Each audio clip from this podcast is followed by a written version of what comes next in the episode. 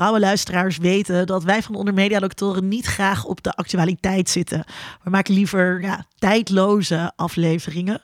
Uh, dus misschien uh, hebben we wel een beetje een risico genomen. Maar uh, de gast van de volgende aflevering, of de aflevering waar je nu gaat, naar gaat luisteren, stond al heel lang op ons lijstje. We zijn heel blij dat hij is gekomen. We hadden ook een heel interessant gesprek met hem. Maar dat namen we op voor de Tweede Kamerverkiezingen van november 2023. Ik spreek dit ook in voor de verkiezingen van 2023. En ik hoop eigenlijk maar dat uh, uh, deze uitzending niet in één keer dankzij de verkiezingsuitslag heel erg actueel is geworden. Want dat zou ik heel erg vinden. Um, maar um, dat uh, is in de toekomst kijken. voor nu luister naar hoe de relatie in elkaar zit tussen orthodoxe christenen en radicaal rechts. Deze podcast wordt mede mogelijk gemaakt door Code Clear. Duidelijk over websites en design.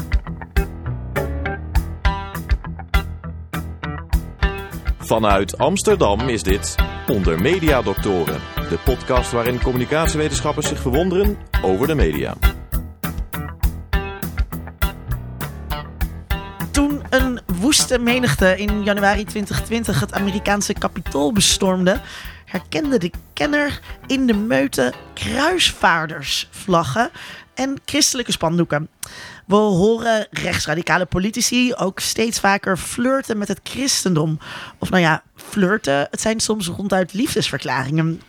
Is dat electoraal winstbejag of is er meer aan de hand? Vandaag verwonderen we ons over orthodoxe christenen en radicaal rechts. Althans, over een kleine bepaalde groep orthodoxe christenen. Uh, een primeur, zou ik zeggen. Um, want uh, we hebben het in deze podcast niet eerder uh, over religie gehad. Helemaal niet? Nou, niet, niet op deze manier. Nee, ik weet dat we een keer met uh, de hoofdredacteur van uh, het, uh, het, het, het Nederlands Dagblad hebben gesproken. Ja. Maar dat ging niet specifiek over dit onderwerp. Er was een aflevering over subjectieve journalistiek. Ja, daar, daar raakte het aan. Was een kort Uiteraard is religie vaak te gekomen, maar als onderwerp dus nog maar niet. Als, nou. Maar als, als hoofdonderwerp nog niet. dat doen we met Sander Rietveld. Sander Rietveld is politicoloog en onderzoeksjournalist bij het televisieprogramma Zembla. En auteur van Nieuwe Kruisvaarders, de heilige alliantie tussen orthodoxe christenen en radicaal rechtse populisten. In 2021 uitgekomen bij Prometheus. Uh, uh, je bent uh, politicoloog, ja. net als ik. dus, dus, dus dacht ik, ja, waar heb je gestudeerd? Waar ging je scriptie over? Waar heb je afgestudeerd? Ik heb gestudeerd in Leiden. Ah, Toch een kijk. beetje de rechtse, het rechtse bolwerk ja, in het politicologenland. Um, en ik ben afgestudeerd op de verhouding tussen religie en nationalisme in Israël. Zionisme, judaïsme. Ja. ja. Dus daar gaan we het heel een erg lang thema. Uh, niet, ja. over, uh, niet over hebben. Uh, Vincent, geen politicoloog. Nee. ook geen, Mag ik wel wat zeggen? Ook geen, ook geen christen. Hoe, hoe ver staat dit onderwerp eigenlijk van jou af? Nou, ik, ik, ik, ik, ik las je boek en ik zat. Ik heb op de vrije school gezeten. En dat hele idee van die, die kruisvaarders, dat is daar een ontzettend belangrijk thema in de antroposofie. De, oh, echt? De, ja, want je hebt scholen die heten ook Parsifal-scholen.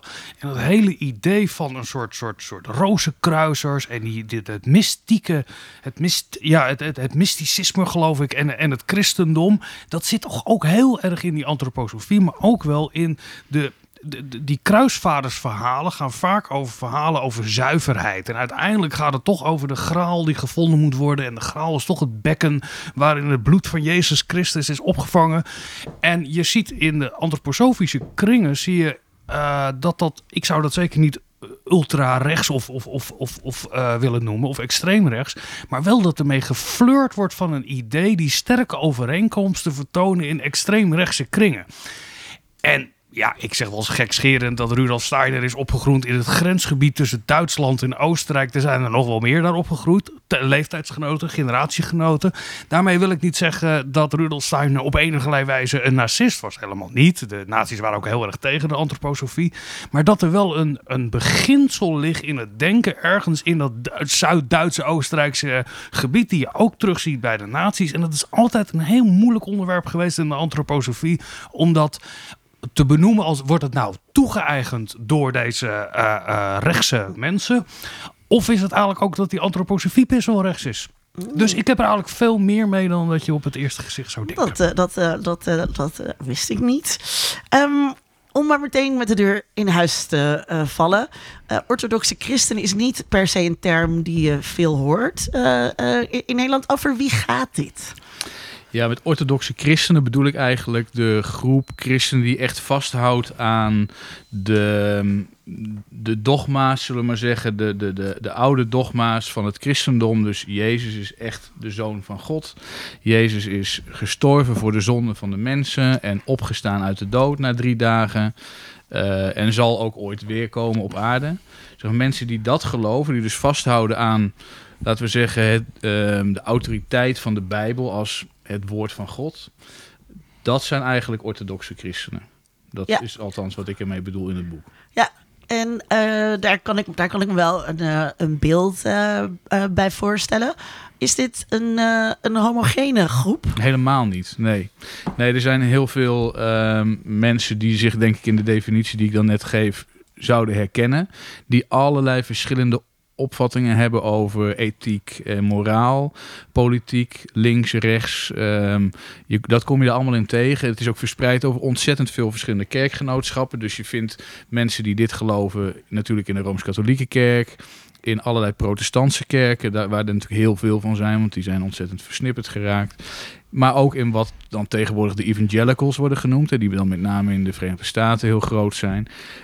Dat, dat kun je eigenlijk allemaal scharen onder orthodoxe gelovigen. Ja, dus je kunt ze niet eh, eh, vereenzelvigen met één stroming. Of, Nee, of met één kerkgenootschap, of, of allemaal onder één politieke voorkeur ehm, wegzetten. Dat, dat is echt niet mogelijk. Maar er zijn dus in die groep eh, absoluut ja, tendensen richting extreem rechts of radicaal rechts. Laten we het daar eerst ophouden. ja. Ja. en hoe groot is deze tussen aanhalingstekens groep? De, van orthodoxe gelovigen. Het gaat om enkele honderdduizenden mensen in Nederland. Maar wereldwijd is het de snelst groeiende religie. Ja. Dus, ehm, eh, en dan met name denk ik de evangelische variant hiervan. Ehm, dat is in Afrika bijvoorbeeld. eh, in het mondiale zuiden is dat gewoon een enorm snel groeiende eh, beweging. Om honderden miljoenen mensen gaat dat. Ehm, ja, dus, dus dit is voor ons in Nederland is het een heel is het eigenlijk een soort splintergroepering, zou je Mhm. kunnen zeggen. Maar voor wereldwijd gezien is dit heel groot. Ja, ik eh, heb eh, eh, na mijn promotieonderzoek me een tijdje bezig gehouden met eh, christendom en, en populaire cultuur. En, eh, en dus ook met de, met de eh, evangelische christenen in Nederland. En eh, zij zijn heel erg gericht op bekering. Ja, Eh, is dat ook de reden waarom dit het snelst groeiende geloof is? ja, dat, ja, dat wordt, een mooie. ja, dat wordt natuurlijk zeer- heel erg ingezet Ja. op, op het winnen van zieltjes, om het maar oneerbiedig te zeggen. Want het idee is dat als je niet gelovig bent, ga je uiteindelijk verloren. Ja. Hè, zo wordt het dan genoemd. Dus eh, na de dood eh, moet je je voor God verantwoorden. En degenen die niet in Jezus geloven, zullen dan eh, ja, verdoemd worden. En dat, ja, dat grijpt mensen dan zo aan dat ze zich willen inzetten voor het redden van anderen. En Ja. dat is dan zending of, of missie, of hoe je dat dan, dat heeft allemaal andere namen in verschillende kerkverbanden. Maar het komt er dus op neer dat je ver weg en dichtbij zoveel mogelijk mensen wilt overtuigen van het geloof in eh, het ware geloof. Want dat is ook.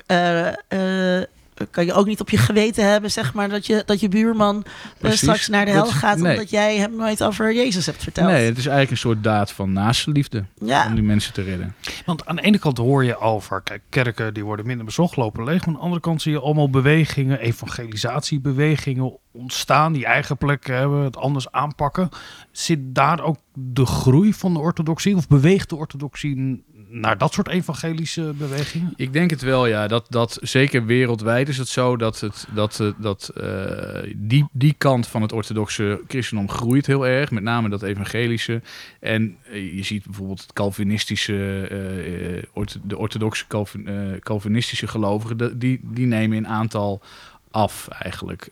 Dat bevindt zich ook voornamelijk natuurlijk in Nederland en een beetje in, in, in Noord-Amerika. Ehm, maar dat evangelische groeit heel erg. En ook als je kijkt ehm, eh, in Latijns-Amerika bijvoorbeeld, daar zie je ook dat eh, die evangelische kerken, die Pinksterkerken, dat groeit als kool. Terwijl de katholieke kerk ja, heeft toch wat moeite om op sterkte te blijven. Dus ehm, daar zit echt de groei aan, klopt. Het is ook, ja, het een heel. eh, eh, het is ook een, of een beweging die zichzelf eh, heel aantrekkelijk eh, probeert eh, te maken. met de christelijke popmuziek. En, Hele gelikte shows op zondagochtend. Ja. Ja. Ze maken uitstekend gebruik van de, van de media. Ehm, in, in de VS zien we dat bepaalde groepen voor zichzelf, zoals jij dat schrijft, ehm, eh, eh, een mandaat van God om te heersen. Ze vinden dat ze dat hebben. Hoe, hoe moet ik dat zien? Ja, je hebt, dat is eigenlijk een soort ehm, ja, theocratische beweging. Dus het idee is dat God aan gelovigen ehm, de opdracht heeft gegeven om ehm, ja, de samenleving in te richten volgens goddelijke wetten. En dat soort denken heb je eigenlijk in allerlei vormen van het christendom. Je hebt het in het katholicisme, waar, waar dus een hele stroming is die zegt eh, ja, dat de paus ook weer wereldlijke macht zou moeten krijgen, bijvoorbeeld. Ehm, er is in het Calvinisme hebben we natuurlijk wat hier hè, onder SGP-denken wordt geschaard. Dus SGP is echt een theocratische partij. En het is ook eh, in evangelisch christendom een heel snel groeiende stroming. De snelst groeiende stroming van het, van het evangelisch christendom is wat wel genoemd wordt eh, de New Apostolic Reformation. En ehm, eh, dat, dat is eigenlijk een, een, niet echt een kerkgenootschap, maar ehm, een soort van beweging waar megakerken eh, centrale posities hebben, die dan onder leiding staan van profeten. En die profeten hebben dan weer een soort van, die geven dan weer een soort van bescherming aan allerlei andere aan onderafdelingen, eh, kleinere kerkjes wereldwijd. Die betalen ook aan die, eh die megakerken in de VS. Ehm, en in ruil daarvoor krijgen ze dan een soort van geestelijke bescherming. Eh, je zegt eh, profeten. Nou ben ik katholiek opgevoed. ehm, maar in de katholieke kerk waren geen nieuwe profeten dat ik me kan Nee. herinneren. Nee, dat hoort ook heel erg bij dit, deze vorm van het christendom. Want God wijst volgens hen nieuwe leiders aan. Rechtstreeks. Hè? Dus deze mensen hebben een rechtstreeks mandaat van God om, eh, om zo'n positie te vervullen. En om eh, ja, dus eigenlijk leiding te geven aan soms wel miljoenen christenen. Ehm, en wat er ook bij komt kijken is dat God deze gelovigen, vinden ze zelf, denken ze zelf, het, eh, de opdracht heeft gegeven om ook over de samenleving te heersen. En daar komt dan dat theocratische ideaal vandaan. Wat eh, er dus op neerkomt dat in het geval van de Verenigde Staten ehm, ja, allerlei zaken eh, moeten worden teruggedraaid. Hè, liberale vrijheden, Roe versus Wade. Ehm, dat, dat, dat denken zit daar eigenlijk achter. Dat theocratische denken van de Verenigde Staten moet weer een christelijke natie worden. Wat eigenlijk ten diepste ook het streven is van de SGP in Nederland. Ja, ja waar eh, nu coalitieplannen mee, eh, mee, ge- mee gesmeed worden. Ehm, die, eh, eh, want, oké, je kan dus zelf zeggen, ik ben door God geroepen, ik ben een van die nieuwe profeten. Of moet daar ook een, eh, want er is geen Nee, dat kan je niet zelf zeggen. Dat, je, je krijgt die ervaring natuurlijk, die, die opdracht. Ja, Ik, kan- ik weet niet, Ja. ik kan niet in de hoofden van die mensen kijken wat voor ervaringen ze hebben. Maar op een gegeven moment ja, krijgen ze die positie. En dat moet dan natuurlijk ook een beetje worden erkend door de gelovigen. Dat dat inderdaad zo is, dat zij geroepen zijn. En, maar ja, dan als je eenmaal die positie hebt, dan heb je veel macht in die kringen, absoluut. En kun je ook heel rijk worden. Ja, wat heerlijk. Bestaat er ook een, een, een soort strategische alliantie tussen de verschillende gezinten, de, de verschillende orthodoxe gezinten? Nee, in die zin eh, is het dus ook wel heel versplinterd. Of kun je ook helemaal niet zeggen dat er één beweging is. Of eh, je hebt natuurlijk de kerkgenootschappen, zeker in het geval van bijvoorbeeld de, gri- de, de katholieke kerk of verschillende gereformeerde kerken in Nederland of zo. Dat zijn natuurlijk wel echt entiteiten. eh, die ook wel een structuur hebben natuurlijk en leiders en, en, en regels. Maar zeker als, als het gaat om de evangelische christenen, dat is allemaal heel erg losjes en dat zijn geen grote kerkverbanden vaak. Ehm, dus daar kun je ook heel moeilijk, zeggen, één groot, ehm, ja, eh, eh, ik wil een beetje voor waken om dat weg te zetten als een soort van groot complot met één leider of een paar leiders die dat allemaal aan touwtjes trekken. Snap je? Dat is te simpel. Ja, ja, nee, ja. dat begrijp ik. Maar ik bedoel, de, als je een alliantie ook... We gaan het straks natuurlijk ook over de politiek hebben. Ehm, zit daar een strategische alliantie? Wordt er, eh, is er een soort overleg over wat deze bewegingen met elkaar op politiek niveau willen? Mm, Nou ja, ze, ze, ze steu- nou ja, bijvoorbeeld in de Verenigde Staten zie je natuurlijk dat uit deze bewegingen, zowel van eh, evangelische zijde als van bijvoorbeeld katholieke zijde, steunen mensen de Republikeinse Partij bijvoorbeeld. Als hè, dus eh, de conservatieve vleugels van, die, van dat soort gemeenschappen, daar is veel steun voor de Republikeinse Partij. En, daar, ehm, en ook dat denken in van wij hebben een mandaat en wij moeten een soort van theocratisch ideaal verwezenlijken. Dat zie je eh, heel sterk onder bepaalde leiders ook van de Republikeinse Partij. Ted Cruz is een aanhanger van dit denken bijvoorbeeld. Ehm, dus het is echt, het is geen klein bier. dit. Mhm. In- Want in, in, eh, in de VS hè, eh, zie, je, zie je dit heel sterk. Vanuit de VS eh, gaat er ook heel erg veel geld, bijvoorbeeld richting Afrika in, in missiewerk en de zendingsdrang. Maar ook naar Nederland, als het gaat over anti-abortus bijvoorbeeld. Ehm, Ja, ik denk vooral op Europees niveau Ja. gewerkt. Dat die geldstromen gaan naar eh, organisaties, lobbyclubs die bijvoorbeeld in Brussel dingen voor elkaar proberen te krijgen. Ik weet niet of het nou ook specifiek grootschalig geld gaat naar Nederlandse organisaties. Hoor. Dat, dat vraag ik me eigenlijk wel af. Of hoe groot dat precies is. Want Nederland is natuurlijk een beetje een vreemde eend in de bijt van dit verhaal. Want het is een, wij zijn het meest seculiere land zo'n beetje van Europa natuurlijk.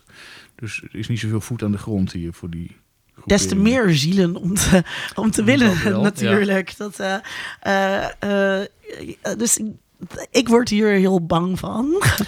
Ja, maar jij zegt, het, we hoeven dat minder hier te vrezen dan in Polen. Of, ja, ik geloof niet dat...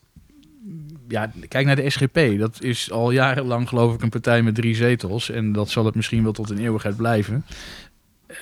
En dat wordt ook niet groter. Ehm, dus ik, Nederland is niet het land waar de, eh, niet de frontlinie van, van, de, van, van, de, van de oorlog die deze groeperingen voeren.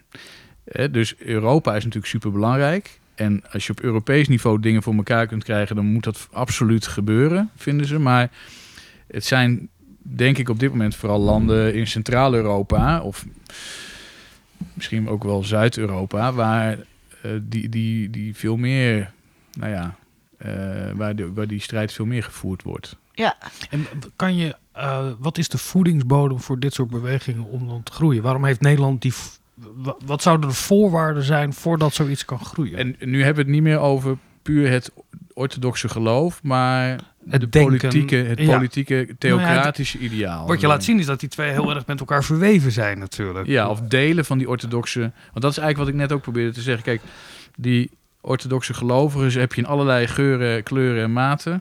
Dus eh, er zijn mensen die, die, die, die oude dogma's omarmen. Maar tegelijkertijd heel links zijn als het gaat om eh, klimaat. eh, en ze ook op het, Ja. soms zelfs op punten van homoseksualiteit. En dat, daar, zie je een enorme verschuiving. Zeker onder jongeren. die die dingen met elkaar proberen te combineren. Enerzijds liberaal, anderzijds orthodox proberen te zijn. Maar eh, ja, er is ook een groep.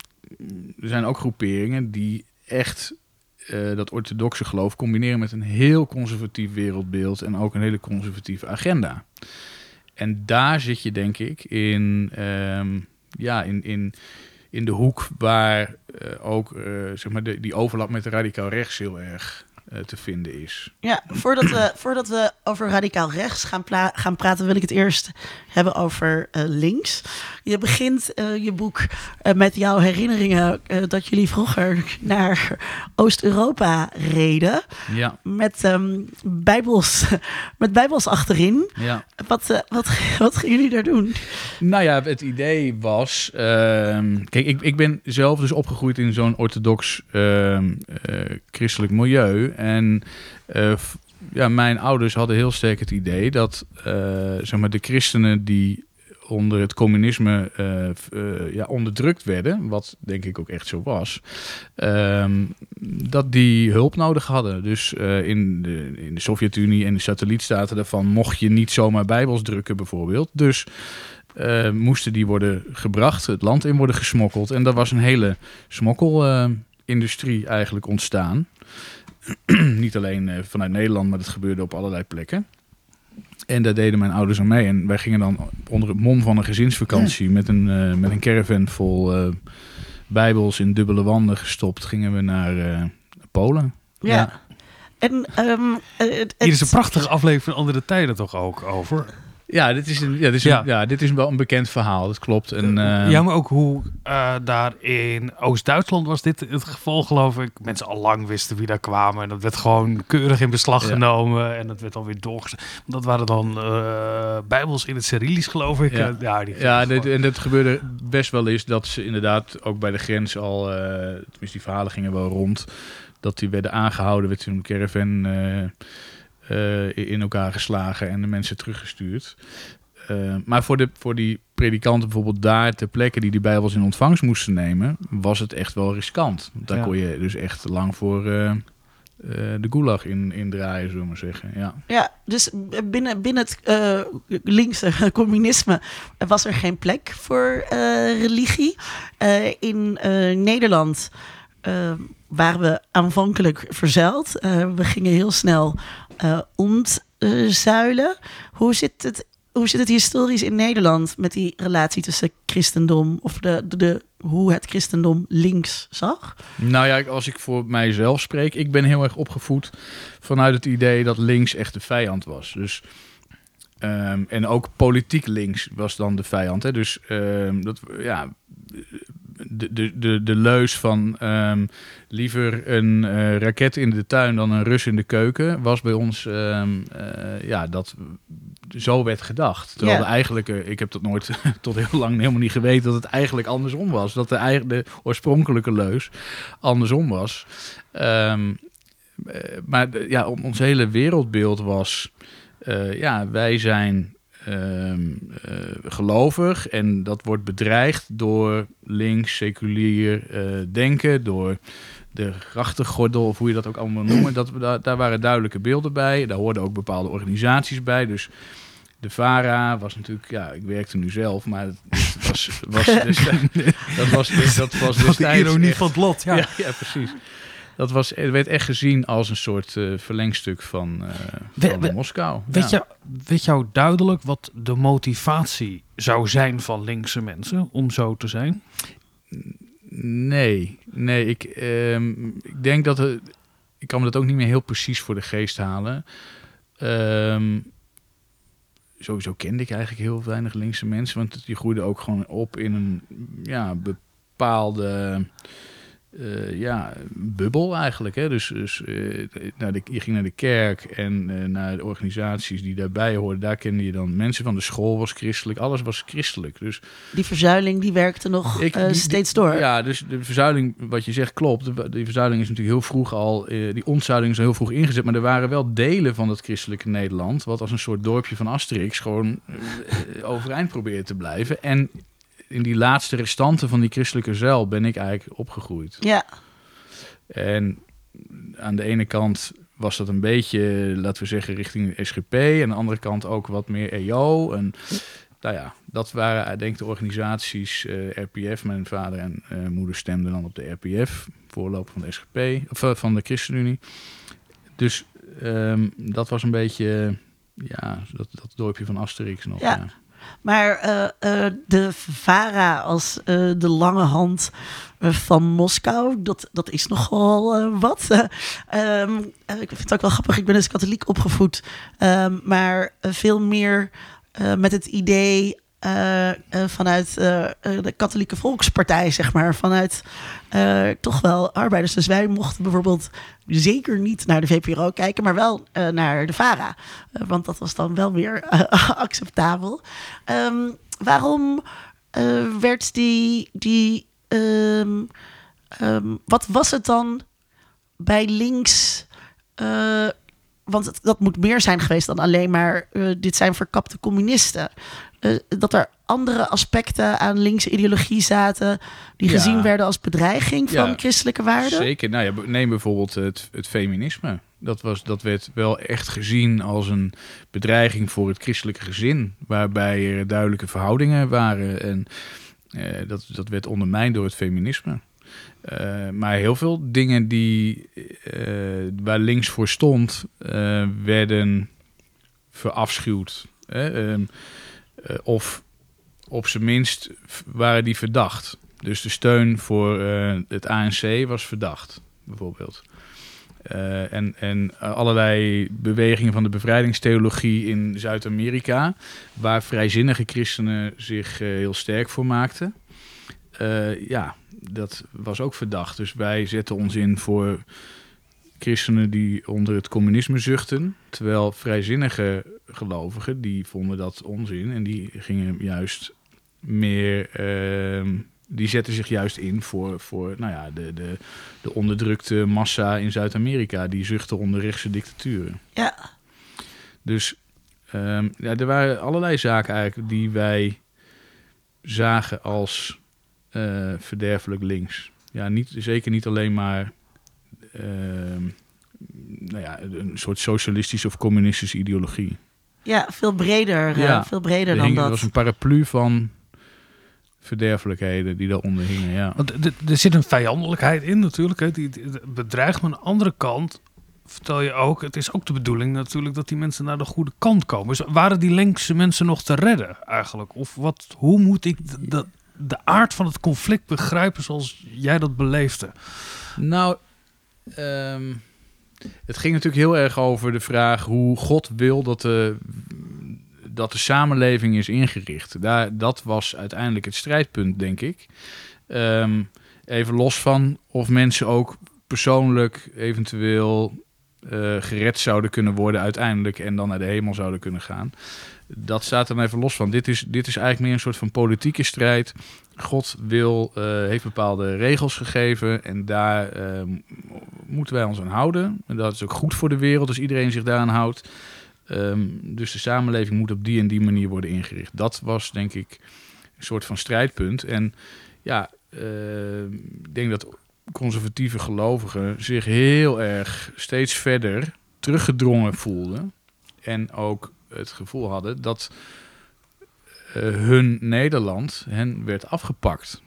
Het christelijke Nederland verdween, werd, er werd aan geknabbeld. Dat werd, nou, ja, op sommige momenten werd het ook echt daadwerkelijk eh, zo gezegd. Hè.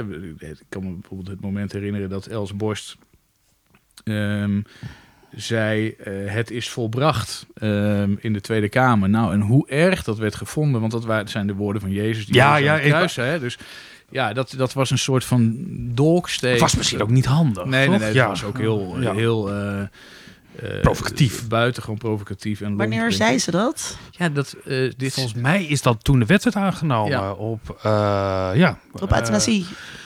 Eh, wat, wat was dat de euthanasiewet? Ja, volgens mij was dat eh, de euthanasiewet waarin zij dat in de Kamer zei. Ja, en dat was dat zulke, ja, dat zijn natuurlijk eh, bijbelse woorden van zo'n onbijbelse vrouw. Ja, dat werd heel erg gezien als eh, eh, echt zo'n markeringsmoment van dit is het, dit is het, eh, ja, weer zo'n weer zo, weer zo'n verlieservaring. Ja. Ja. En eh, kijk, de eh, ontzuiling was natuurlijk ook een seculariseringsbeweging. Was gericht op eh, ontkerkeling, was gericht op het afwerpen van, van, die, van die dogma's. Ehm, Els Borst is toch al wel weer een hele tijd later dan dat. Hoe, hoe komt het, ook nu zien we dat denk ik, dat D66 nog steeds gezien wordt als eh, seculariseringspartij bij uitstek. Ja. Hoe komt het dat dat zo aan eh, D66 hangt en niet aan eh, de PvdA of GroenLinks, wat toch linksere partijen zijn? Ja, maar je ziet bij beide partijen die je nu noemt, zowel bij de Partij van de Arbeid als GroenLinks, hebben gelovigen ook altijd een rol gespeeld. Hè? Dus je had binnen GroenLinks heb je natuurlijk de Evangelische Volkspartij gehad die daarin is opgegaan. Je had Ab Harrewijn met de linkerwang. En er waren altijd ook christenen in die partijen actief. In ieder geval ehm, van oudsher. En PPR, natuurlijk... toch? Oh, dat was toch ook een, Ja, een maar, christelijke partij? Ja. maar vooral denk ik die, EV, die Ja. EVP. En, eh, dan, en binnen de Partij van de Arbeid had je natuurlijk ook eh, de, de doorbraak christenen. Eh, de, de VARA heeft ook dominees als directeur gehad. Hè? Dus of voorzitter heette dat toen nog, ja. Dus ehm Buskus bijvoorbeeld. Dus er waren ook altijd ehm, gelovigen die die overstap maakten. Of een soort brugfunctie hadden. En dat was bij D66 denk ik veel minder. Ja, En dat waren misschien ook wel wat meer seculiere scherpslijpers. ja. Zo werd ze in ieder geval gezien. Ehm, toen eh, eh, Els Borst is vermoord, ik heb nooit geweten dat daar eh, een christelijke motivatie achter zat. Ja, dat is wel een ingewikkelde. Hè? Want ja, de, de moordenaar van Els Borst was een eh, psychiatrisch patiënt. Dus in hoeverre zijn christelijke achtergrond daar een rol in heeft gespeeld. Maar het feit is dat hij dacht dat hij dat van God moest doen. ja, Ja, tenminste, dat heeft hij gezegd, ja. ja. Klopt. Maar ja, en, en nou, dat, ja, dat, dat, eh, dat, dat horen we dus eigenlijk heel weinig, omdat het zo complex ligt. Ehm, Maar Mohammed Bouyeri moest het ook van God doen. En daar hebben we toch nooit eh, Ja. eh, van gezegd van God, deze jongen is, is, is in de war. En die had hulp nodig. Ja, maar dat was bij de moordenaar van Els Borst wel echt zo. Dat was een, echt een, is een psychiatrisch patiënt. Ja, laat ik het anders vragen. Denk je dat, het, dat hij anders beoordeeld is omdat hij vanuit een christelijke hoek kwam en niet een islamitische hoek? Dat durf ik niet te zeggen. Ja, dat is natuurlijk Dat ook if daar- daarvoor verhaal. ken, daarvoor ken ik het dossier gewoon niet. Maar ik, ik weet dat hij echt een psychiatrisch patiënt is. En dat is natuurlijk van Bouyeri... mm, Ja, is daar niet, is dat niet op die manier Nee. eh, gediagnosticeerd. Nee. nee. Ja, is dit ook iets wat. ehm, eh, eh, want ik bedoel, D66 zou hier best op in kunnen zetten. Eh, die zou Ja, daar best dat- wat dat rugbaarheid aan kunnen ja, geven. maar dat hebben ze expres niet... Tenminste, de expres, dat weet, ik weet niet wat de overwegingen zijn geweest... maar ik heb begrepen dat, eh, dat ze dat niet hebben gedaan... en dat daar vanuit orthodox-christelijke kring ook heel opgelucht op gereageerd is... dat dat niet is gebeurd. Ja, dat het niet is blijven plakken. Ja, en dat daar niet een heel nummer van is gemaakt door D66. Ja, dat is eh, jovel, denk ik dan, eh, van, van D66. Eh, laten, we, eh, laten we nog wat verder naar, eh, naar rechts eh, opschuiven. eh, en het over radicaal rechts eh, hebben. Ehm, wat ik eh, zei in de inleiding, eh, we zien eh, flirts of eh, openlijke liefdesverklaringen van, van radicaal rechts. Hoe gebruiken rechtsradicale politici het christendom? Eh, ja, ik denk dat dat een beetje verschilt. Ehm, er zijn eh, mensen als eh, Wilders die eigenlijk helemaal niets hebben met het christendom en daar ook, ehm, ook eigenlijk niet zo heel veel mee doen. Maar je hebt ook mensen als Salvini bijvoorbeeld die te pas en met de rozenkruisen, eh rozenkransen schermt, zwaait. Ehm Orbán is natuurlijk een bekend voorbeeld eh, die doorlopend het christelijke karakter van het, van het land eh, aanhaalt en benadrukt. Ehm, eh, ja, je ziet het in, in Israël natuurlijk, daar gebeurt hetzelfde, maar dan met het, met het Jodendom. Dus er zijn heel vaak populisten die teruggrijpen op bepaalde tradities en dat zijn vaak religieuze tradities. Ehm, en ze willen daarmee denk ik laten zien dat zij de hoeders zijn van die traditie. Ehm, en, en ze zijn heel bedreven in, eh, vaak in het eh, bespelen van, eh, van de media. Dus ze weten heel goed dat ze daarvoor bepaalde symboliek nodig hebben. Die, die, een bepaalde terminologie en een bepaald items die ze moeten aan, aansnijden. Issues die ze moeten aansnijden. Dus ja. Ehm, je ziet toch wel in heel veel landen dat ze daar. ehm, ja, dat, ze dat, in, dat dat hoort in hun gereedschapskist eigenlijk, religie. Maar dat wil helemaal niet zeggen dat het zelf heel gelovige mensen zijn. Sterker nog, ehm, meestal denk ik dat ze er niet zo heel veel van moeten hebben. Eigenlijk, persoonlijk. In ieder geval niet van de christelijke moraal. ja. Nou, we hebben met Trump toch wel een voorbeeld gehad waarin je wel je vraagtekens kan plaatsen bij de christelijke moraal. En dat was nou toch ja, dat- populair eh, bij, de, bij veel christenen ook. Ja, maar dat wil, die, die christenen zien natuurlijk heus wel dat Trump ehm, zelf absoluut niet christelijk leeft. En sterker nog, ja, als je een. Eh, als je vrouw zwanger is, een relatie aanknoopt met een pornoactrice. ja, dan, dat willen, vinden de meeste dominees geen goed idee, zullen we zeggen. En, dat, en dat, dat hebben ze toch, daar zijn ze overheen gestapt. Soms gewoon expliciet van, ja, het is inderdaad een zondig mens, maar we zijn allemaal zondaren. En, ehm, en, en God kan ook met een kromme stok rechte slagen slaan, hè? dat idee. Dus hij is toch een man van God. En dan haalden ze ook bepaalde voorbeelden uit de Bijbel aan. Dat in het, in het Oude Testament zijn er bepaalde, eh, bepaalde heersers, heidense heersers, die gebruikt worden door God om het goede te doen voor Israël. Ehm, en dat, met dat soort machthebbers werd Trump vergeleken. Dus God heeft hem aangesteld, ondanks zijn zondige aard. Wat ik daar niet van, van begrijp is als je als orthodox christen die, die bijbelse waarde kijkt, dat je, dat je denkt, maar dat je eh, dan meegaat in iemand en erop gaat stemmen ook. Wat natuurlijk een, bij uitstek een hele seculiere, eh, eh, hoe noem je dat, procedure is. En een seculier ritueel die we met elkaar uitvoeren.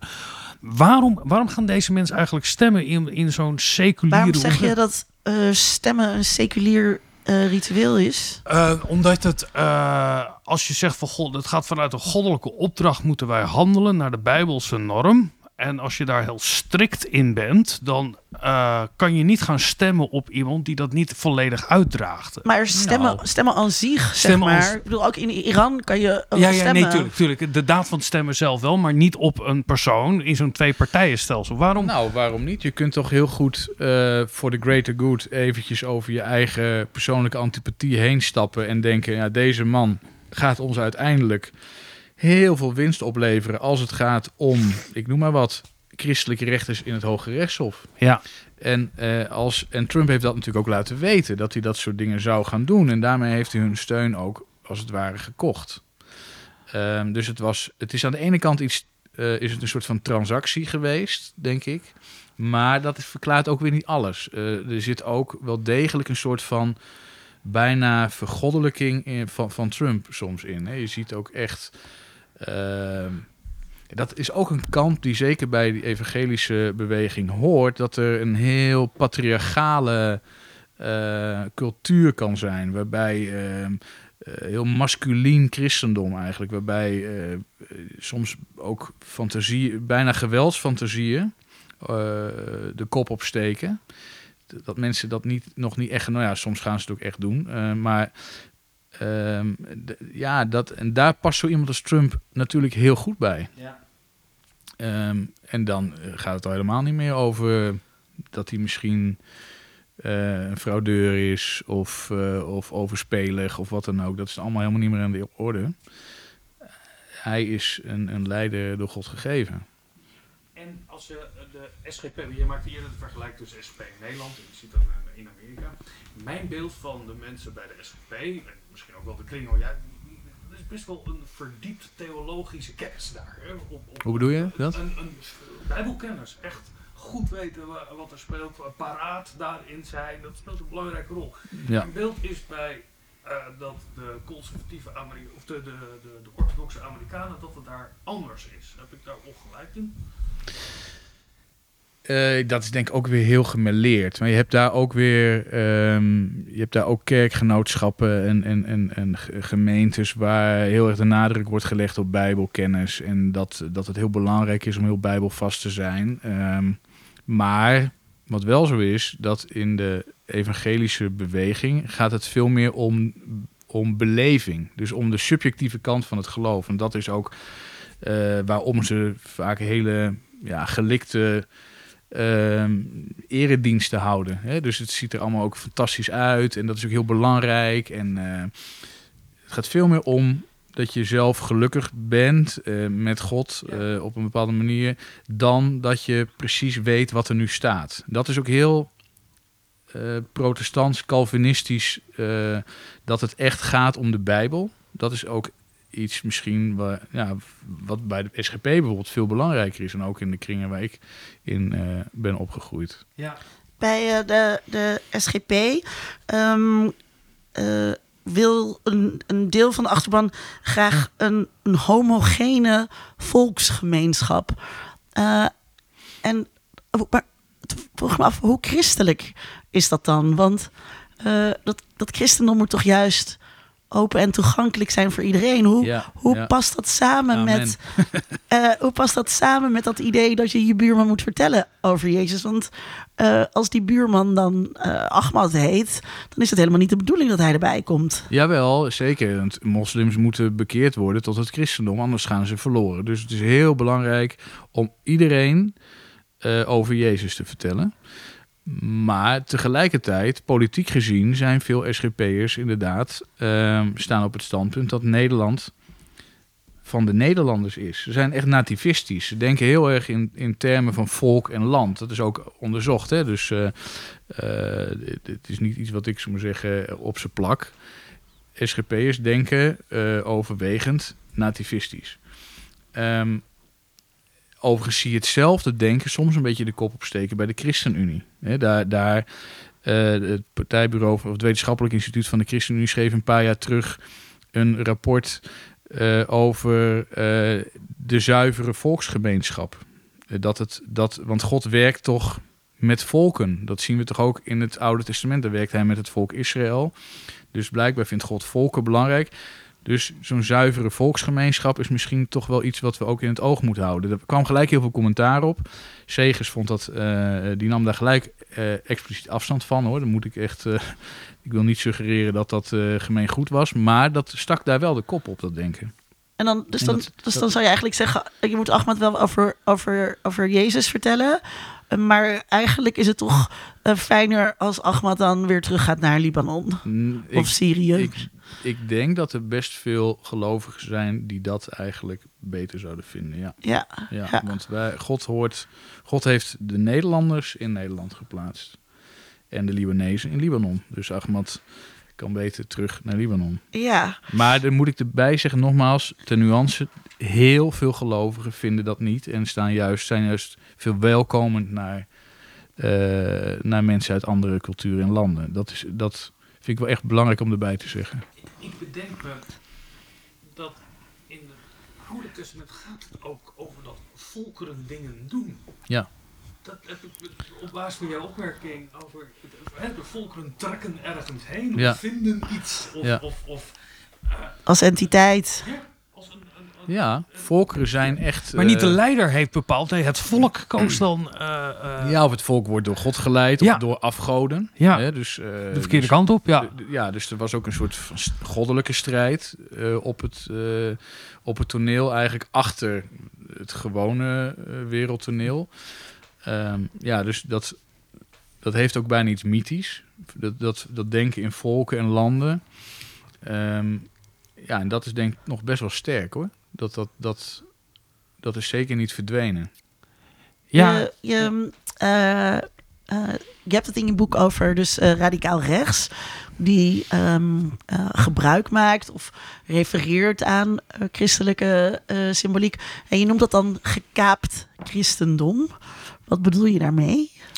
Nou, dat, eh, dat, er een, dat, dat het instrumenteel wordt ingezet. Dus eh, wat, wat mensen als Baudet... Ja, Baudet is misschien niet helemaal het goede voorbeeld... want die neemt momenteel weer wat meer afstand van het, van het geloof... maar had een periode Ja, dat hij dat juist heel erg omarmde. eh, Tegenaan schurkte. Ja. Ja. en dat hij had een Maria-ervaring gehad en hij eh, overwoog zich te laten dopen. En eh, ja, strooide met teksten.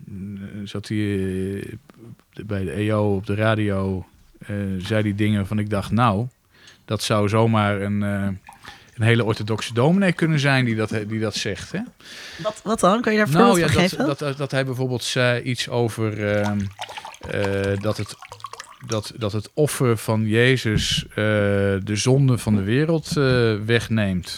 dat, dat lijkt me dunk. Dat is toch Dat al... is de eh, ja, kern van het orthodoxe christendom. ja. En daarmee, ja, dat, dat spreekt mensen ook aan. Hè? Dat spreekt gelovigen enorm aan als je zoiets zegt. Dan is er opeens een soort van common ground. Eh, en dat was misschien ook wel de bedoeling. Want ehm, eh, nou ja, die zag ook in die periode, eh, de, de periode ook van dat Baudet echt opkwam in de politiek, dat er ook een soort van, ja, dat, dat hij een beetje aanschurkte ook bijvoorbeeld tegen de SGP. En op een gegeven moment heeft het zelfs toegeleid dat de SGP en eh Forum voor Democratie een soort van eh, deal sloten over een zetel in de Eerste Kamer. Dus dat, dat is denk ik eh, een soort instrument wat dan wordt ingezet. En dat, bedo- dat bedoelde ik eigenlijk met gekaapt christendom. Ik denk dat het niet echt gaat om diep doorleefd geloof. Niet beleden. Nee, ik denk dat het, dat het echt puur eh, wordt ingezet eh, uit een soort effectbejag. Ja. Eh, je schrijft ook dat vooral eh, randkerkelijken gevoelig zijn voor, Ja, voor dat dat rechtsradicaal. Woord. Wat, is de, wat, Wat is zijn eh, randkerk- randkerkelijken? ja, dat is een, dat is een term die... eh, Geen kerkelijken uit de Randstad? Nee, nee, nee, nee, nee. Maar je hebt natuurlijk met name in de oude hervormde kerk, dat wat dan een beetje de, de volkskerk was. Dat was een kerk waar heel veel mensen alleen nog in naam bij hoorden. hè. Je kon hervormd zijn op grote wielen. Dus eh, op, op drie momenten kwam je naar de kerk als je gedoopt werd, als je ging trouwen en als je doodging. Ehm, en heel veel van die mensen die zaten dan wel in de kaartenbak van de kerk, maar waren helemaal niet meelevend. En Ja. dat worden randkerkelijke genoemd. En die heb je natuurlijk in katholieke kringen ook heel veel. Mensen die in naam katholiek zijn. Ehm, en wat uit onderzoek blijkt, is dat, dat juist die groep, die dan on, oneerbiedig wel eh zombie-gelovigen worden genoemd, dat die ehm, vatbaar zijn voor dat cultuurchristendom van radicaal rechts. Ja, Dus daar, en dat het dat eigenlijk mensen die zich ehm, die heel eh, betrokken zijn op een kerkelijke gemeenschap en daar heel actief in zijn en veel vrijwilligerswerk doen, dat die eigenlijk veel minder daar eh, naar overstappen. Maar dat kan natuurlijk ook mee te maken hebben dat ze al bij een rechtse partij als de SGP ondergebracht zijn, dan dat ze zich daarbij thuis voelen en geen behoefte hebben om over te stappen. Maar je ziet toch vooral die zuigkracht zit aan, aan de randen van die eh, geloofsgemeenschap. mensen die ook een beetje eh, pick and choose willen omgaan met het geloof. Waarbij Ja. dat eh, dan weer wel en dan weer niet juist goed past. En waarbij het ook een cultuurding is vooral. Waarbij bepaalde tradities en symbolen wel belangrijk zijn, maar de metafysische inhoud van het geloof eh, wat verder weg is, denk ik. Nou, Ja. over symbolen gesproken. Op de voorkant van je boek. eh, Ik laat nu het boek zien eh, in deze podcast. Heeft dat helemaal geen zin. heb je, maar- laatst ook al, eh, heb je laatst ook al gedaan? ja, het, het, het, in, voelt als, voelt, het voelt als een moment dat ik een boek omhoog moet houden. Eh, er staat een kruis op de voorkant. Ja, een tempelierskruis. Ja. Eh, het heet Je Nieuwe Kruisvaarders. Eh, ik luisterde laatst een, eh, een podcast over die nieuwe kruisvaarders. Dat is hartstikke lang geleden, die kruisvaders. Eh, wat, wat, is, wat is hier gaande? Waar komt dat vandaan? Nou, ik, ik heb dat niet zelf bedacht, hè, deze metafoor. Want ehm, radicaal rechtse activisten of terroristen, zoals Breivik bijvoorbeeld... ehm, eh, maar ook Tarrant in, Nieuw-Zeeland, die, maakten van dit soort symboliek gebruik. Hè? Dus eh, die noemden zichzelf ook kruisvaarders. eh, die ten strijde, ten strijde trekken tegen de islam. En en dat is denk ik ook een belangrijke overeenkomst. Dat, dat zeg maar, Paus Urbanus ehm, eh, bij de kruistochten opriep.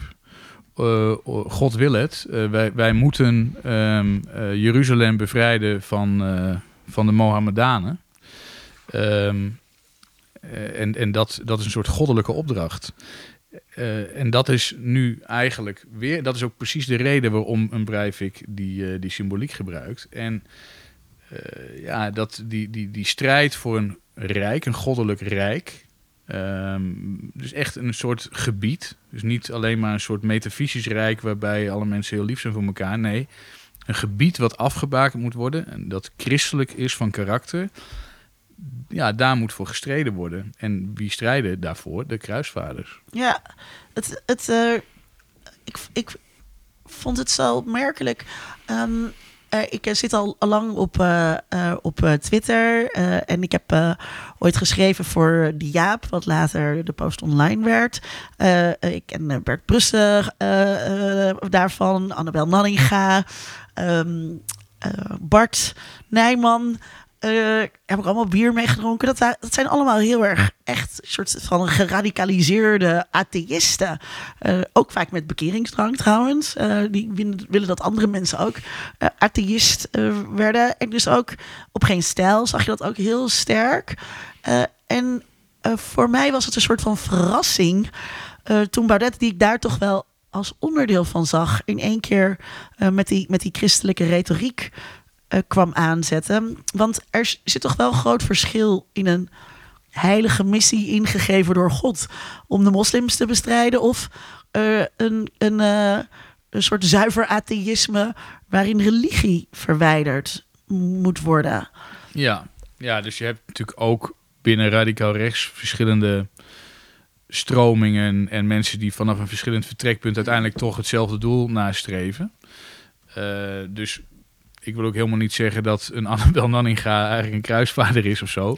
Eh, verre van dat. Maar ehm, ja, dat, het kan wel zo zijn dat mensen vanuit een godsdienstige overtuiging eh, tot dit soort ehm, ja, politieke doelen eh, gaan nastreven of zelfs tot geweld komen. Dat, dat, is, dat is mogelijk.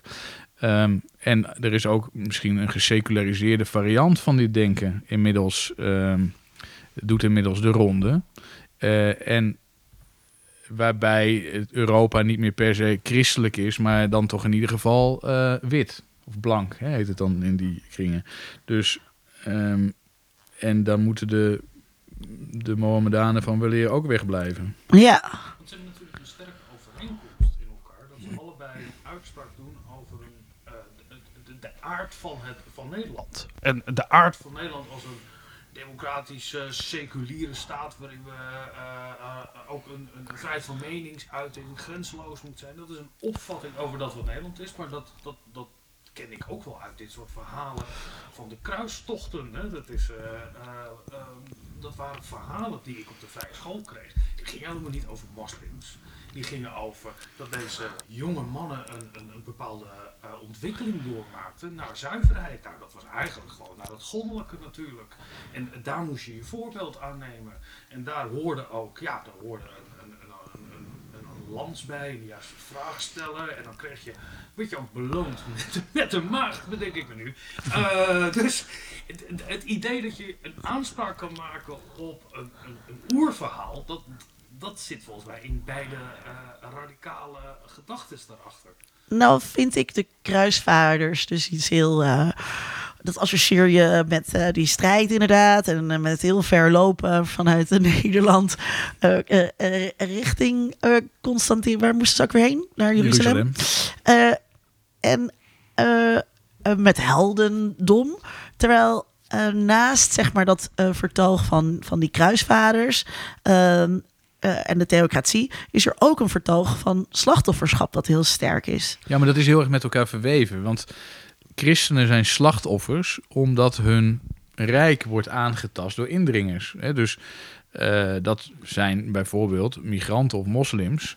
Ehm, en het wordt aan de andere kant wordt dat rijk aangetast door een bepaalde elite.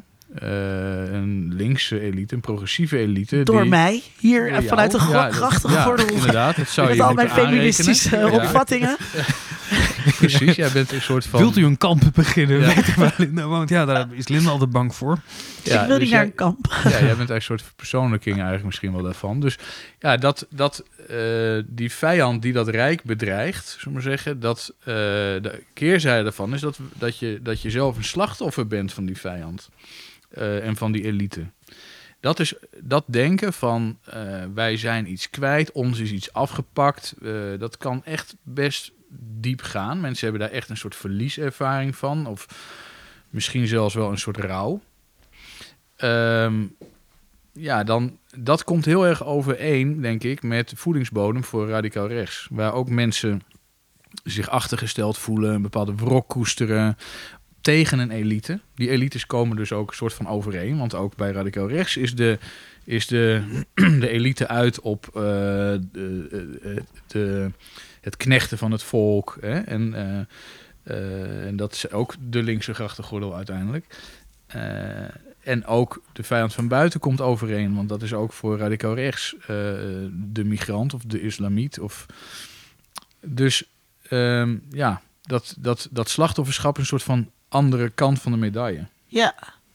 Ehm, Ik vind dat als. Het is een het is een maar. Ik snap wel een beetje wat er aantrekkelijk is aan deze eh, gedachte. Zeg jij als D66. Zeg ik deze is als bron van het kwaad en als... eh, maar ik snap wel dat het eh aantrekkelijker is. En ik snap ook best wel dat je je kan verzetten tegen wat dan links-progressief is. Dat het heel bedreigend kon zijn, dat het ondermijnend kon zijn. En, en, en Dat is het ook. ja, het is toch heel begrijpelijk dat als jij... eh, je, je haalde eerder het feminisme aan. Nou, dat is al tot zover. Maar ook waar we in de laatste jaren mee zitten. Dat het heel fijn is dat je je ergens op kan beroepen. Wat in die beleving, is ook niet duizenden jaren, maar gewoon in, in, in, in nou ja, niet eens geen tijd kent eigenlijk. Waar je aan... Een eeuwige waarheid. ja, een eeuwige waarheid. Ja, dat is ook zo. Dat geeft ook heel veel rust en, en, en vastigheid. En eh, bedoel, dat, dat, bedoel, dat weet ik- uit eigen ervaring dat dat iets is wat. Nou ja, ik heb het boek natuurlijk. Het boek is ook enigszins autobiografisch. Ja. Hè, dus ik beschrijf ook wel een beetje mijn eigen weg daardoor heen en ook daarvan af. Ehm, dus ik weet dat dat ook iets is wat heel veel rust en vastheid kan geven. Wat ook een soort bescherming biedt. Ehm, en dat is denk ik ook wat, wat, wat mensen er ook in aanspreekt. En wat ze ook heel graag willen vasthouden. En wat, wat ook juist alles wat van buiten komt. En, en nu helemaal met. eh, met, met, met eh, bijvoorbeeld hele transgender eh, beweging, dat dat ontzettend bedreigend voor hen is. Want die hele verhouding staat daarmee eh, op zijn kop. De, de patriarchale verhoudingen, eh, de, de, de scheppingsorde van God staat eigenlijk ja, op zijn kop. Ja, dus dat, dat eh, ik eh, zeg ook altijd dat er valt inderdaad voor bepaalde groepen eh, ook zeker iets, iets te vrezen. En op het moment dat die fundamenten van de samenleving die toch gestoeld zijn op, op gender en op genderverhoudingen, op het moment dat mensen die aan het schudden brengen, dan snap ik wel dat, dat, dat dat heel eng is en dat je daarin eh, wilt terugvechten. Dat idee van eh, iets kwijtraken, zie je, eh, zag je ook heel sterk eh, op een gegeven moment op het eh, internet met bepaalde bewegingen. Ehm, eh, Gamergate is daar een goed voorbeeld van, eh, waarin eh, gamers zelf zeiden zich te verzetten tegen corruptie eh, eh, in de game-recensiewereld. Eh, waarbij andere mensen zeiden: nee, dit gaat over het buiten willen sluiten van vrouwen eh, uit de gamerwereld.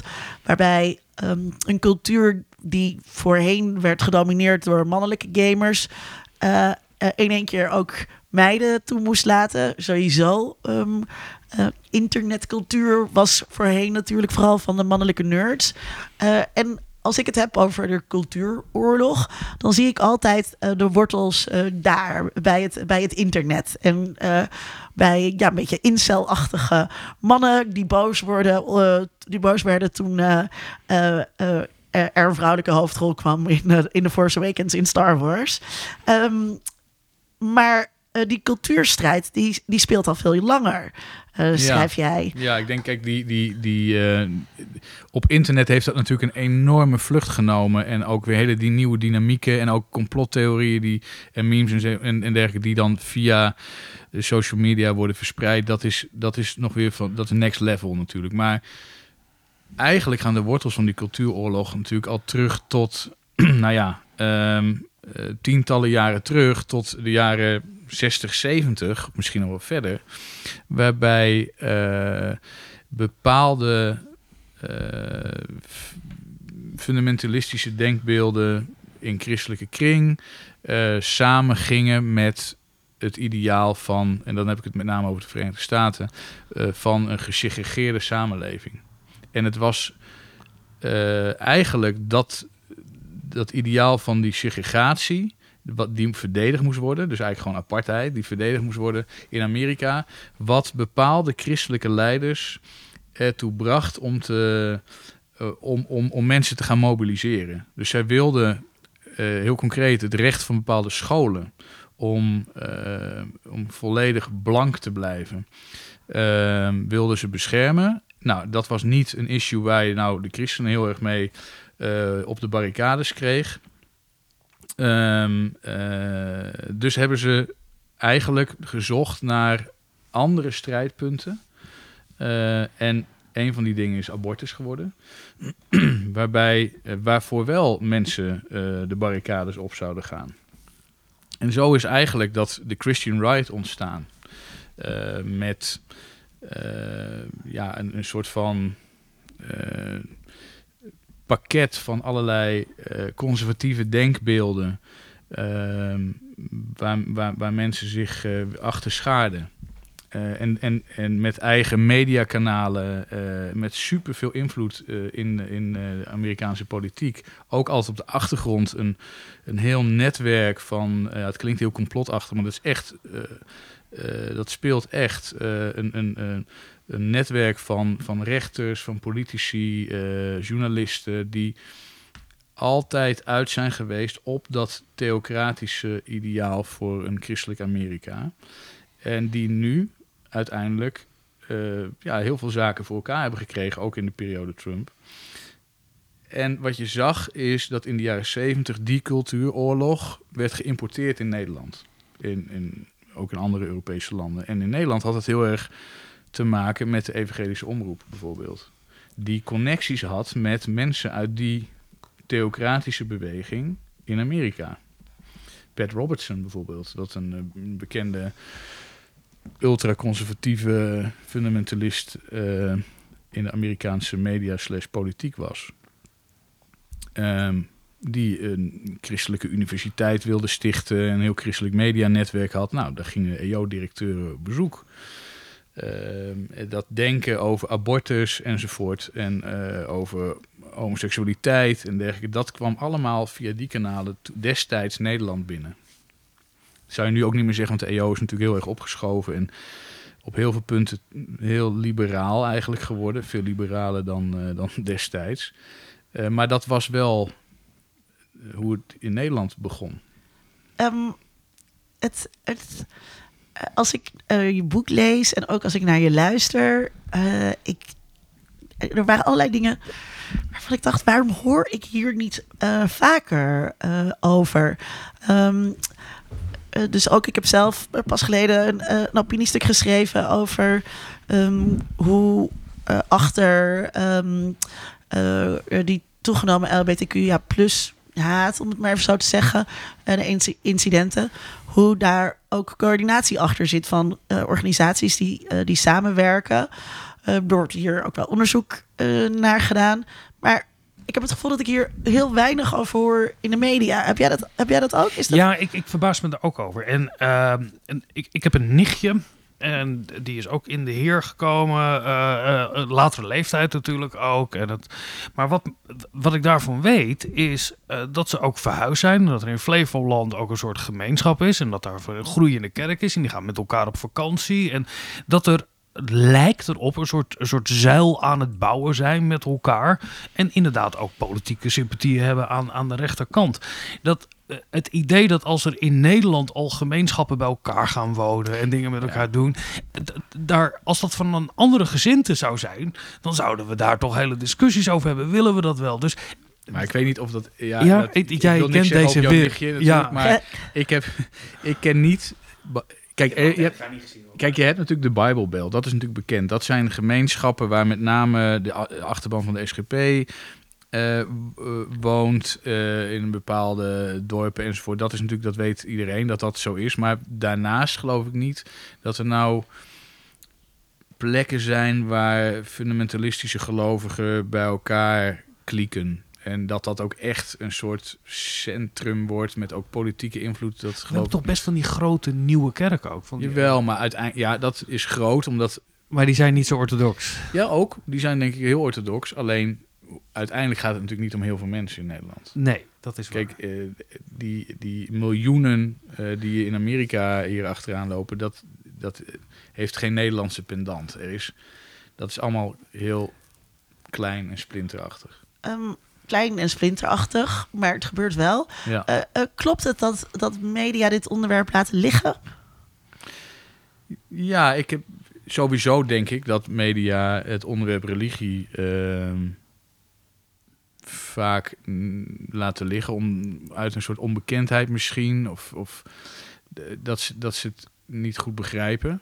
journalisten. Dus dat, het, dat ze er daarom ook wat omheen lopen. Of misschien dit soort issues gewoon niet opmerken. Behalve als het natuurlijk gaat om de Verenigde Staten. En eh, ik erger me ook altijd aan, aan de verkeerde terminologie die dan, die dan wordt gebruikt. En mensen kunnen het dan opeens hebben over evangelistische christenen, bijvoorbeeld. Ja, dat Ja. is gewoon een heel raar woord. Dat bestaat helemaal niet. Ehm, of, nou ja, weet je, dus eh, er is gewoon weinig kennis van zaken. Dus misschien is dat ook een reden waarom er gewoon niet zoveel aandacht voor is, zou ik me kunnen voorstellen. Ik vind trouwens wel dat op het punt van die lobbygroepen en de strijd tegen homorechten en eh, tegen de transbeweging enzovoort, dat die politieke, conservatief politieke strijd, daar is wel wat meer aandacht voor de laatste tijd, heb ik het idee. Ja, Dus eh, ik ben niet de enige die dat heeft gesignaleerd. Dat wil ik niet. eh, Eh, nee, maar er wordt weinig, er wordt weinig ehm, eh, expliciet gewezen naar religie. Ja. en naar dat het ook een tegenreactie is op die verworven vrijheden. En dat die tegenreactie ook echt bedacht is, zeg maar. Wat jij ook een beetje net vertelde. Is het, is het misschien ook ehm, omdat eh, de pers in Nederland voor een groot deel geseculariseerd is. En dan heb je dus nog een klein stukje eh, niet geseculeerd. ge- Ja, dus dan, je kunt dan bij de EO gaan werken eh, of voor ehm, eh, het Nederlands Dagblad gaan schrijven. En dan zit, je weer, dan zit je weer in een andere hoek. Ja, er is denk ik. ehm, denk dat het dat waar is dat je gelijk hebt dat er dus in grote delen van de media eigenlijk. Ja, dus wat ik zeg, weinig gevoel is hierbij. Dat een beetje gek wordt gevonden. Ehm, en ook dat, dat men zich daar niet goed raad mee weet. Kijk, bij trouw zitten natuurlijk van oudsher wel mensen die weten waar het over gaat. Bestaat kerk en samenleving nog? Trouw? Dat, dat was toch altijd het katern? Ik weet niet of dat nog bestaat. ja, kerk en dat samenleving. vond ik zo mooi. Ja. Ja, het is natuurlijk nog ja, van de week had Trouw nog weer op de voorpagina een heel stuk over de PKN, over de Protestantse Kerk Nederland. Ehm, dat kan ook nog bij Trouw. Dus er zit nog wel heel veel nou, voeling met ehm, ja, religieuze bewegingen en, en religieuze politiek. Ja, maar verder niet, denk ik, dat het dan Ja, gauw ik- ophoudt. Ik, ik zie ook wel dat vanuit die seculiere eh grachtengordel, wat er ook... eh, deze mensen ook snel worden weggezet als... nou ja, dat ze geridiculiseerd worden Ja, daarin. reactionair, En, en, en heel homogeen. Ja, eh, eh, ehm, hoe, hoe kijk jij daarnaar? Want je bent zowel ook werkzaam in de media zelf als natuurlijk... Je hebt hierover geschreven in je eigen persoonlijke achtergrond. Ja, het stoort mij enorm als het, ehm, als het zeg maar allemaal op één, één hoop wordt geveegd. Allemaal, als al die mensen worden weggezet als conservatieve, radicaal rechtse SGP eh, eh, of PVV-aanhangers. Dat is dus niet zo. Het, zijn, het is een heel gemêleerde groep, wa- wa- wat ik zeg, ook hele, ja, zeker tegenwoordig onder jongeren, hele liberale denkbeelden samen kunnen gaan met orthodoxe geloofswaarheden. Ehm, dus mensen die echt eh, geloven in ehm, letterlijke schepping. Eh, eh, of in eh, Jezus zal echt lichamelijk weerkomen op aarde enzovoort. Dat, dat combineren met natuurlijk mogen homo's trouwen. Of, of een heel radicaal groene ideologie. Dat, dat kan ook tegenwoordig. Dus je kan het absoluut niet meer allemaal over één kam scheren. Wat misschien in de verzuilde tijd wel had gekund, maar dat, dat kan echt niet meer.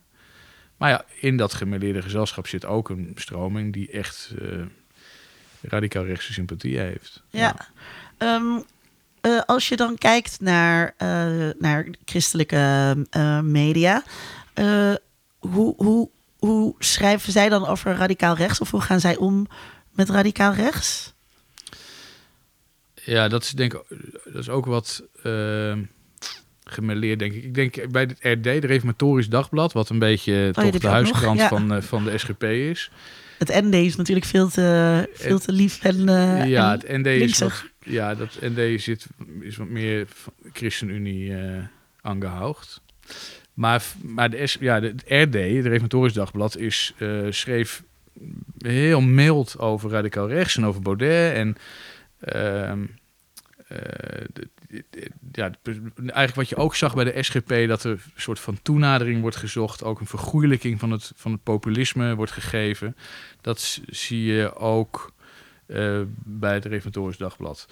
Tot op het punt dat Baudet uitgesproken antisemitisch bleek. En dat gaat dan een grens over, want ja, aan Israël mag je niet komen. Dus dan, eh, dan is het ook klaar. Maar de denkbeelden en ook het hele idee van eh, anti-immigratie en zo, dat, ja, daar is wel begrip voor. Eh, ja, de, de, bij het ND is het veel, ja, dat, da- da- daar zou ik dat niet kunnen aanwijzen, eerlijk Ja. gezegd. En bij de EO is het ook een beetje gemixt. Dus aan de ene kant is het zo dat daar. ehm, ik, de EO deed bijvoorbeeld mee aan een kerkdienst tegen Wilders uitspraak minder, minder, minder Marokkanen. Ehm, daar, was, daar werden allerlei kerken waren daar heel boos over en wilden een statement maken en de EO deed daar ook aan mee. Maar tegelijkertijd heeft Baudet daar ook een soort podium gekregen. Als columnist was hij een van de vele columni- columnisten, maar heeft hij toch tientallen keren gewoon ruim baan gekregen om zijn radicaal rechtse eh, boodschap te verkondigen. Tot en met de omvolkingstheorie aan toe. Ja. Dat, dat, dat is ook wat dubbel, natuurlijk, dat dat er allebei kan.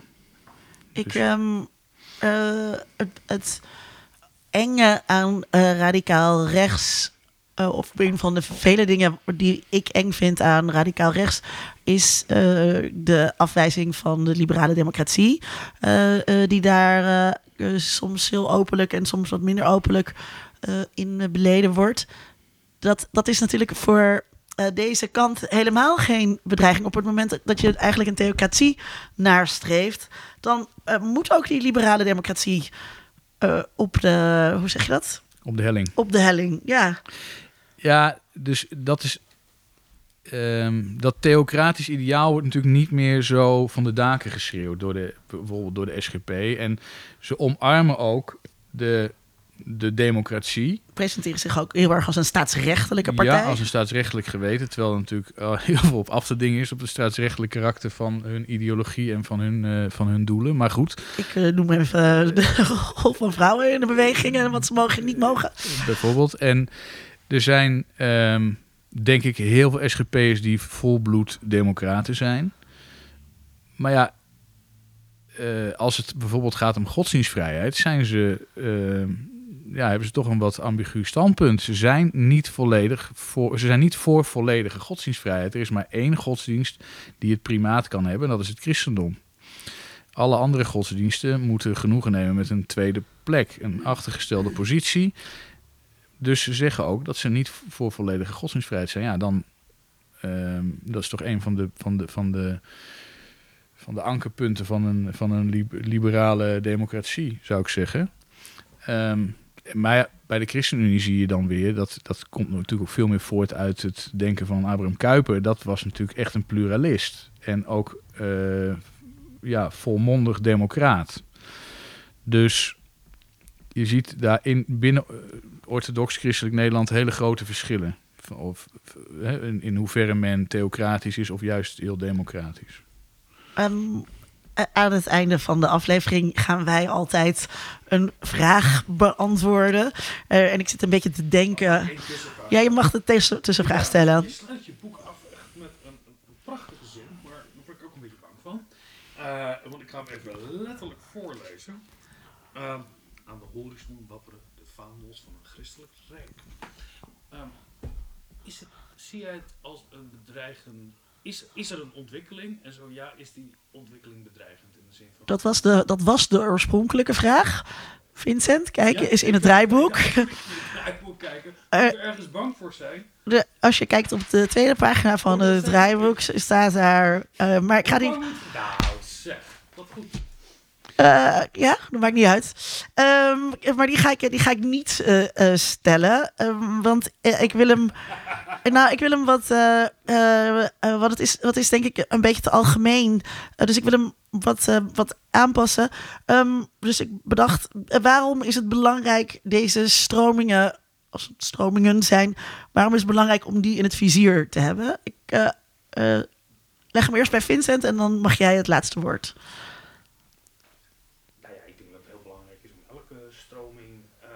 het vizier te hebben waar dingen gebeuren, maar iets, iets, iets kritischer. Ik zie wel in uh, Europa zie je tendensen ontstaan. Of dat nou Hongarije is, in Polen zien we het gebeuren. Uh, dat zijn vaak in Italië zie je uh, natuurlijk altijd bewegingen die weer terugkomen. heel veel van wat erin gebeurt, dit bereikt ook wel een keer Nederland op een of andere manier. Dat zijn tendensen waar wij niet los van staan. Wat ik mij. kijk, het extreem rechts vanuit een soort uh, rancune uh, gedachten. We hebben hier Bas Heijn ook wel eens gast gehad en daarover gehad. Uh, dat is wat anders, denk ik, dan als het ook gelegitimeerd wordt vanuit het christendom, vanuit een christelijke opdracht die je daarbij krijgt. En als dat die twee zich nog sterker gaan vermengen, snap ik wat ik eerder zei, de aantrekkelijkheid daarvan. Maar de negatieve consequentie vanuit mijn perspectief is dat je daarmee ook een legitimatie geeft aan iets wat eigenlijk gebaseerd is op rancune denken. En dat, vind, dat, dat zou ik het meest beangstigend vinden in deze ontwikkeling. De legitimatie die vanuit het christendom komt voor extreemrechts. Ja. ja. Ja, en kijk, ehm, ik zie die, die, die dreiging eigenlijk vooral internationaal. En dan uh, aan de ene kant van uh, in, in, de Verenigde Staten, waar we ernstig rekening mee moeten houden dat Trump straks weer uh, gekozen wordt met steun van ehm, conservatieve fundamentalistische gelovigen. Um, dat is een beweging die ook uh, probeert om in Europa en op andere continenten voet aan de grond te krijgen en hier invloed uit te oefenen. En waar we het helemaal niet over hebben gehad uh, nu, is natuurlijk Rusland. Rusland wordt door heel veel, of werd in ieder geval door heel veel uh, orthodoxe gelovigen gezien als een soort hoeder van het christendom. En speelt die rol ook met verven. Dus probeert ook actief radicaal rechtse groeperingen uh, samen te laten gaan met orthodox christelijk, conservatief christelijke uh, bewegingen. En uh, allemaal om, um, om, om wantrouwen te zaaien, om verdeeldheid te zaaien in westerse samenlevingen. En dat is het best goed gelukt de afgelopen jaren. En ik denk dat dit hele fenomeen van, dit, van, van conservatieve uh, christelijke bewegingen die samengaan met radicaal rechtse politiek, dat dat daar een hele belangrijke rol in speelt. Ja, het is. Het, lijkt ook zo dan uh, alsof uh, dit, dit populisme, wat nu zo vegeteert, een goede ingang is om het geloof weer uh, salonvegen uh, te maken. Omdat, hm. omdat, want we hebben het nu bijvoorbeeld ook niet gehad over de boeren. Um, maar bij die boeren, die, die nostalgie uh, naar de boer uh, en het, het, het boerenleven en het ware Nederland op het platteland waar we boerenkool uh, aten en zo. Er zitten natuurlijk ook allemaal aspecten in die houvast bieden uh, uh, in deze onzekere tijden. Ja, terug naar bepaalde tradities. En een van die tradities is natuurlijk een bepaalde vorm van het christendom. Dus in die zin zie je ook weer een herwaardering van christelijke wortels. Dat, dat, dat klopt, ja. Ja, zowel bij. Uh, ik wou dat het een beetje een tijdloze aflevering uh, werd. Maar we zitten natuurlijk redelijk voor de verkiezingen uh, als we dit opnemen. Het is nu 6 november nieuwe partijen die christelijk doen, maar niet christelijk heten. Ja, zeker. Allemaal nieuwe uh, zonen en dochters van het CDA, zullen we zeggen. Ja, zeker. Ja, ja. Uh, vrees je het toch? Ga ik toch vragen. Nou, niet voor, ik, niet voor Nederland, maar ik maak me wel absoluut zorgen over uh, wat er in de Verenigde Staten gaat gebeuren. En ook wel welke invloed dit in, op een wat meer Europees niveau kan hebben. Dus ja, internationaal zie ik vooral hier gevaar van. Ja. ja. Jij, Vincent, vrees je het? Ja, ik vrees het wel, ja. Ja, ik denk dat we uh, in een, hele uh, rare geopolitieke tijd zitten. En ik denk dat in, in, in, ik kan mij niet herinneren dat er in, in vijf, zes jaar, maar ook corona, dus al die verschuivingen die er ontstaan, dan biedt het christendom een, een heel mooi en warm en fijn en coherent verhaal. Wat je op zodanige manier kan verkeerd kan interpreteren dat inderdaad alles wat bijvoorbeeld LHBTQ, eh, eh, Poetin, die zich heel expliciet ook uitspreekt, weet je wel. Wij zijn niet die mensen, niet die woke mensen, niet die eh, waar iedereen maar zelf, weet je wel, dat, als die tegenstelling zou kunnen verdiepen, dan zou dit een vorm kunnen zijn wat best wel eens snel zou kunnen groeien en groot worden. En jij gaf zelf het voorbeeld van die boeren, dat idee van die, dat grondgebonden denken, die, die bloed- en bodempolitiek over wie zijn we, waar komen we vandaan en die verankering daarin en daar een soort nationaal idee aan koppelen. Of misschien zelfs wel een Europees idee over wie we zijn. Ik hoor dat ook heel erg terug in immigratie, immigratiediscussies over van wie hier daadwerkelijk dan zou moeten zijn. En dat ook in, zeker internationaal gaat het daarbij over christelijke beginselen die daarbij worden gehaald. Dus ja, ik, ik, ik ben sowieso niet zo heel erg optimistisch ingesteld over de komende tien jaar in de geopolitiek, eh, wat daar gaat gebeuren. Maar dat dit een, een aantrekkelijke vorm kan zijn, daarmee zeg ik dat het niet oprecht zou zijn, dat weet ik niet hoe dat eh ervaren, maar dat dit een vorm kan zijn wat enorme potentie heeft om groter te worden. Eh, ja, absoluut. Daar geloof ik heel erg in dat dat gaat gebeuren ook in Nederland. Ik vind het eh doodeng.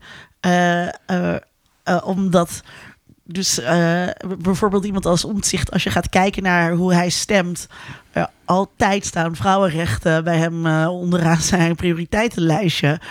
Dat is. en, het, en het lijkt zo'n sympathieke vent, maar dat, maar, dat, maar dat is hij gewoon helemaal niet voor de dingen waar, waar ik voor sta. Ehm, en Ja, dat denk ik zeker. Ja. ja, dat belooft niet veel goeds als hij aan de macht komt. Maar ik denk waar jij voor staat voor heel veel mensen als bedreigend wordt eh, ervaren en als er dan onrust besta- ontstaat, dat dat sterker wordt. Ja. ja. Wat ik zelf ook heel pijnlijk eigenlijk aan vind, is dat iets wat best, ehm, wat in, in, in wezen eigenlijk een hele mooie boodschap is van zelfopoffering en eh, saamhorigheid enzovoort. Dat, wat, ook, wat het christendom ook kan zijn, ehm, dat heeft ook talloze mensen voortgebracht die zich hebben opgeofferd voor anderen. En die, weet je, dat, ga, dat kan ook. Die kant is er ook. En dat wordt helemaal ondergesneeuwd, eigenlijk kapot gemaakt, geperverteerd door precies dit waar, eh, nou ja, waar, wat, wat het christendom ehm, niet bedoelde te zijn, denk ik, ooit. Ja, this is not what Jesus would do. Dit is not what Jesus would do, ja. Eh, ehm, dit was eh, aflevering 181 van de podcast Onder Mediadoktoren, gemaakt door ons, eh, Vincent en Linda. Kijk op ondermediadoktoren.nl en vind daar ons archief met bijvoorbeeld... ehm, we noemden hem even aflevering 41, eh, subjectieve journalistiek. En daarin zit een eh, interview met eh Sheer Kuiper, die toen hoofdredacteur was van het Nederlands Dagblad. Of bijvoorbeeld aflevering 54 over de apocalyps. Wat we redelijk eh, seculier benaderen. Ehm, aflevering 103, uiterst rechts, met eh politicoloog Sarah de Lange. Ik denk ook aan aflevering 166, die we maakten over de verbeelding van het boerenlandschap en boeren als ware Nederlanders. Ehm, of misschien aflevering 178, pas geleden gemaakt, hoe populistische politici online communiceren. Wil je ons steunen? Word dan Patreon of vriend van de show. Zoals altijd bedanken we daarvoor Matthijs van Listdonk als onze favoriete luisteraar. Je kunt ons ook steunen met een beetje bekeringsdrang. Ja, Ja. luister. Bekeer, bekeer je buurman. Het zou toch vreselijk zijn als je buurman nooit naar onder mediadoktoren luistert en dit soort dingen nooit te horen krijgt. Heel erg veel dank, Sander, dat je eh, er was. Dankjewel. Graag Eh, gedaan. Ik vond het heel leuk om hier te zijn. Eh, koop eh, dat boek Nieuwe Kruisvaarders. Zal ik hem weer omhoog houden? Ja, Met ja, deze houd hem- audio? ja, houd hem weer even omhoog. En ik zal een linkje in de show notes ehm, zetten. Heel veel dank ook Vincent. Jij ook bedankt. Volgende keer gaan we het hebben over... Dat weet ik eigenlijk even niet. Nee, gaan we over Nou nadenken. ja, luister toch. Heel graag. Tot dan. Tot dan. Onder Mediadoktoren is een podcast van Vincent Kronen en Linda Duits. Meer informatie vindt u op ondermediadoktoren.nl.